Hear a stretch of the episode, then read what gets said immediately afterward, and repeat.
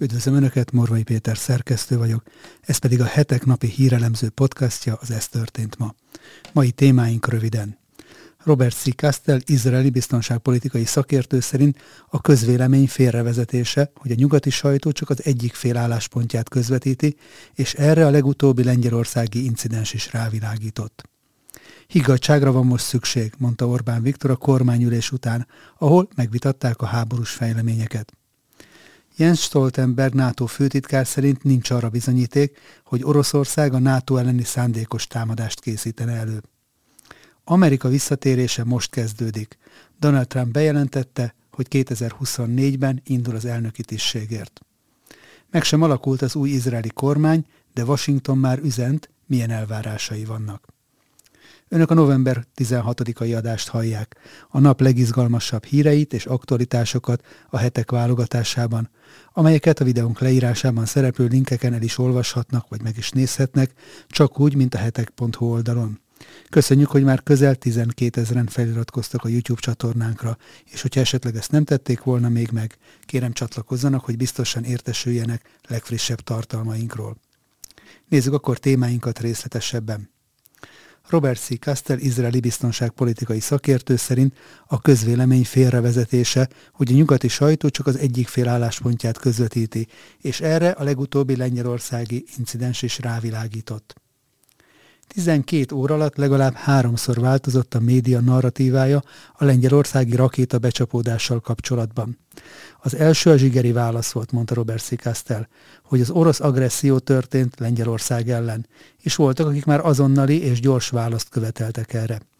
Kicsit később még az éjszaka folyamán a narratíva megváltozott, és már arról kezdtek beszélni, hogy orosz gyártmányú rakéták csapódtak be Lengyelország területén reggelre pedig kiderült, hogy amerikai szakértők szerint valószínűleg légvédelmi rakétákról van szó, amelyeket ukránok lőttek ki, hogy az orosz cirkáló robotrepülőgépek ellen védelmet nyújtsanak, és két ilyen rakéta csapódott be aztán Lengyelország területén. Mondta a hetek podcastjában Robert C. Castell, izraeli biztonságpolitikai szakértő. Castell szerint az egyik rákfene a klikvadás sajtó, amelyik gyakorlatilag hajlandó bármit leközölni csak azért, hogy még néhány klikket, még néhány kattintást nyerjenek, és megelőzzék a konkurenciát. Van egy ördögi verseny, mindenki első akar lenni, mindenki a legtöbb kattintást akarja megszerezni magának, és ezért egyre csökken a lehetőség arra, hogy ellenőrzött információt adjanak át a közönségnek. Minél jobban fokozódik ez a verseny, egyre inkább csökken ennek esélye. És hosszú távon gyakorlatilag a sajtó ezzel magának okoz kárt. A biztonságpolitikai szakértő értékelte Volodymyr Zelenszky ukrán elnök nyilatkozatát, amelyben a NATO-t sürgette, hogy lépjen fel az úgymond orosz terror ellen. Mint elmondta, Ukrajnának van egy alapvető érdeke abban, hogy ez a konfliktus kiszélesedjen, és Oroszország ne csak Ukrajnával álljon szembe, hanem az egész NATO-val. Ez természetes, teljesen érthető és teljesen logikus érdek. Ugyanakkor ez nem a NATO-nak az érdeke. Az interjú további részében szó van többek közt arról, hogy milyen veszélye van annak, ha légtérzárlatot sürgetnek Oroszország ellen. Továbbá milyen történelmi analógia vonatkozik a jelenlegi konfliktusra, és miért veszélyes az, hogy a nyugati sajtó következetesen csak az egyik fél álláspontját közli.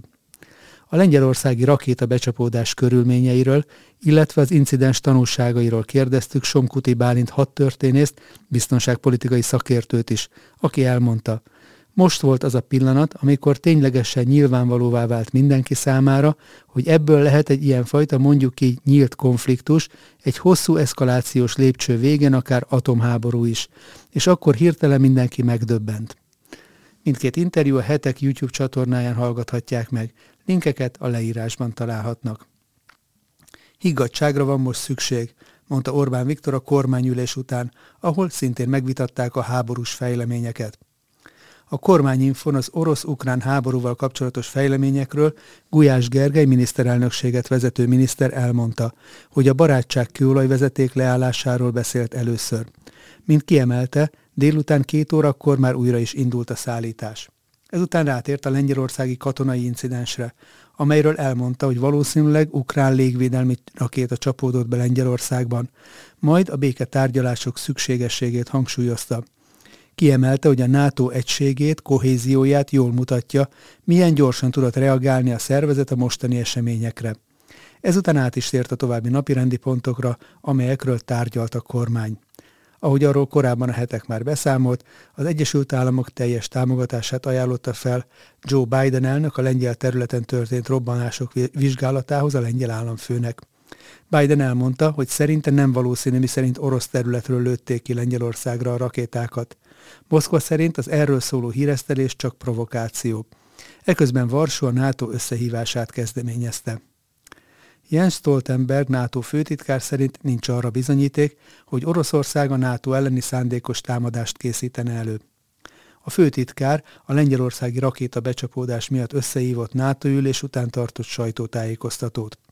Az ülés során a kelet-lengyelországban bekövetkezett rakéta becsapódásról egyeztettek a résztvevők.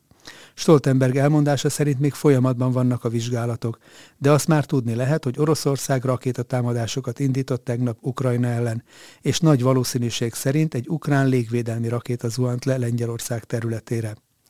Nincs arra vonatkozó bizonyíték, hogy Oroszország támadást készítene elő a NATO ellen, mondta a főtitkár. Stoltenberg ugyanakkor hangsúlyozta, hogy, a, hogy két lengyel állampolgár halálát okozó incidens nem Ukrajna hibája, hanem a felelősség teljes mértékben Oroszországot terheli, mely háborút folytat Ukrajna ellen, és Oroszországnak véget kell vetnie ennek az értelmetlen háborúnak. Ukrajnának joga van lelőni azokat a rakétákat, amelyek ukrán városok ellen irányulnak, tette hozzá Stoltenberg. A főtitkár azt is hangsúlyozta, hogy meg kell várni a vizsgálat eredményét, és a NATO ezután dönt majd a következő lépésekről, de jelenleg nincs arra bizonyíték, hogy Oroszország szándékos támadást indított volna a NATO ellen, és az incidens körülményei is ezt bizonyítják. A főtitkár újságírói kérdésekre válaszul elmondta, hogy a szövetség az orosz-ukrán háború kirobbanása óta jelentősen növelte keleti szövetségeseinek légvédelmi képességeit, és fokozta a katonai jelenlétét is, és a rakéta nem amiatt csapódott be Lengyelország területén, hogy a NATO légvédelmi rendszere nem megfelelően működne. A légvédelmi rendszer az egyértelmű támadásokat hivatott elhárítani. Ez a rakéta azonban nem egy támadás miatt jutott be a NATO területére, ezért nem fogta el a légvédelmi rendszer, magyarázta Stoltenberg. A NATO fel van készülve az ilyen helyzetekre, és bár aggodalommal töltötte el a szövetségest az incidens, de nyugodt, megfontolt és koordinált módon tudták kezelni a helyzetet. A szövetséges országok közötti koordináció, kommunikáció és információ csere is azt bizonyítja, hogy a NATO államok felelősségteljesen viselkednek, hogy megakadályozzák úgymond a szükségtelen eszkalációt. Stoltenberg azzal kapcsolatban nem adott tájékoztatást, hogy az orosz rakéta, amely miatt az ukrán haderő elhárító rakétát indított, milyen pályán haladt, és mi lehetett eredetileg a célpontja. A főtitkár azt viszont elmondta, hogy a NATO és Oroszország kommunikált egymással a rakéta becsapódás kapcsán, de részletekben nem bocsátkozott, hogy mikor és hogyan történt a kommunikáció a felek között. Amerika visszatérése most kezdődik. Donald Trump bejelentette, hogy 2024-ben újra indul az elnöki tisztségért. Donald Trump helyi idő szerint keddeste Floridában bejelentette, hogy 2024-ben újra indul az Egyesült Államok elnöki tisztségéért. Az előző elnök már a Lago nevű rezidenciáján tartott beszédében azt ígérte, hogy ez a kampány nem róla szól, hanem az amerikai emberekkel közösen zajlik majd, és azokkal a kérdésekkel foglalkozik, amelyek az embereket érintik. Azonnal felveszi a harcot az inflációval, jelentette ki a republikánus politikus. Alacsony adókat ígért, és az országot megbénító túlszabályozás megszüntetését. Donald Trump a családok védelmét is kilátásba helyezte, mert ezek szerinte az amerikai élet középpontját jelentik, valamint a szülők jogának megóvását ígérte. Úgy fogalmazott, hogy befejezi Joe Biden jelenlegi elnök háborúját az amerikai energiatermelés ellen, és intézkedik arról, hogy az energiaárak csökkenjenek.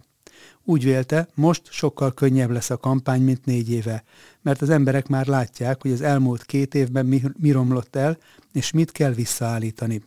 A nemzetközi kapcsolatokban szintén azt képviseli majd, ami első elnöki időszakát jellemezte, fejtette ki Trump. Ismét Amerika lesz az első ígérte. Minden politikai intézkedésben ez érvényesül majd. Amerika visszatérése most kezdődik, ígérte Donald Trump, miután bejelentette, hogy ismét versenybe száll az elnöki pozícióért.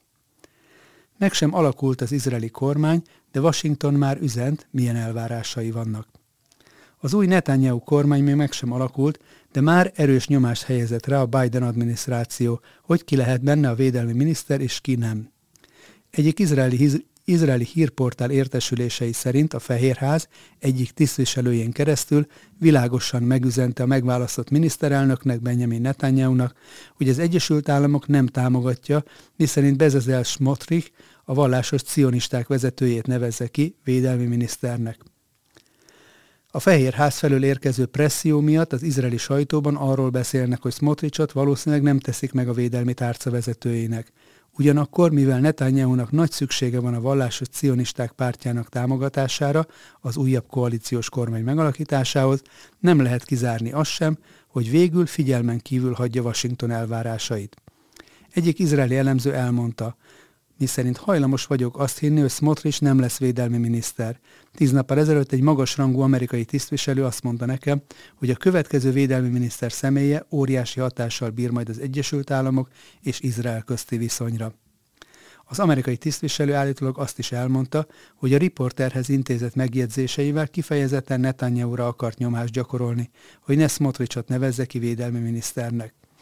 Arra számítunk, hogy Netanyahu is elolvassa ezt, miután lehozzák a hírt. Idézte az amerikai tisztviselőt az izraeli újságíró. Nos, ennyi fér bele mai ajánlónkba. Morvai Pétert hallották, az Ez történt ma, november 16-ai adásában. Holnap újra várom Önöket aktuális hírekkel, ajánlókkal, és hogyha szeretnének ezekről biztosan értesülni, akkor kérem iratkozzanak fel a Hetek YouTube csatornájára, ahogyan ezt már közel 12 ezeren meg is tették, amit ezúton is nagyon köszönünk. Ha pedig a nyomtatott lapot részesítik előnyben, ajánlom megtisztelő figyelmükbe a most indult előfizetői akciónkat. A fődíj egy Toyota személyautó.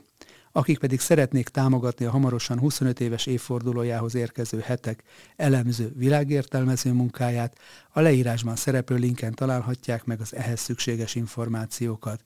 Viszont látásra holnap újra jelentkezünk, addig is szép estét kívánok mindenkinek!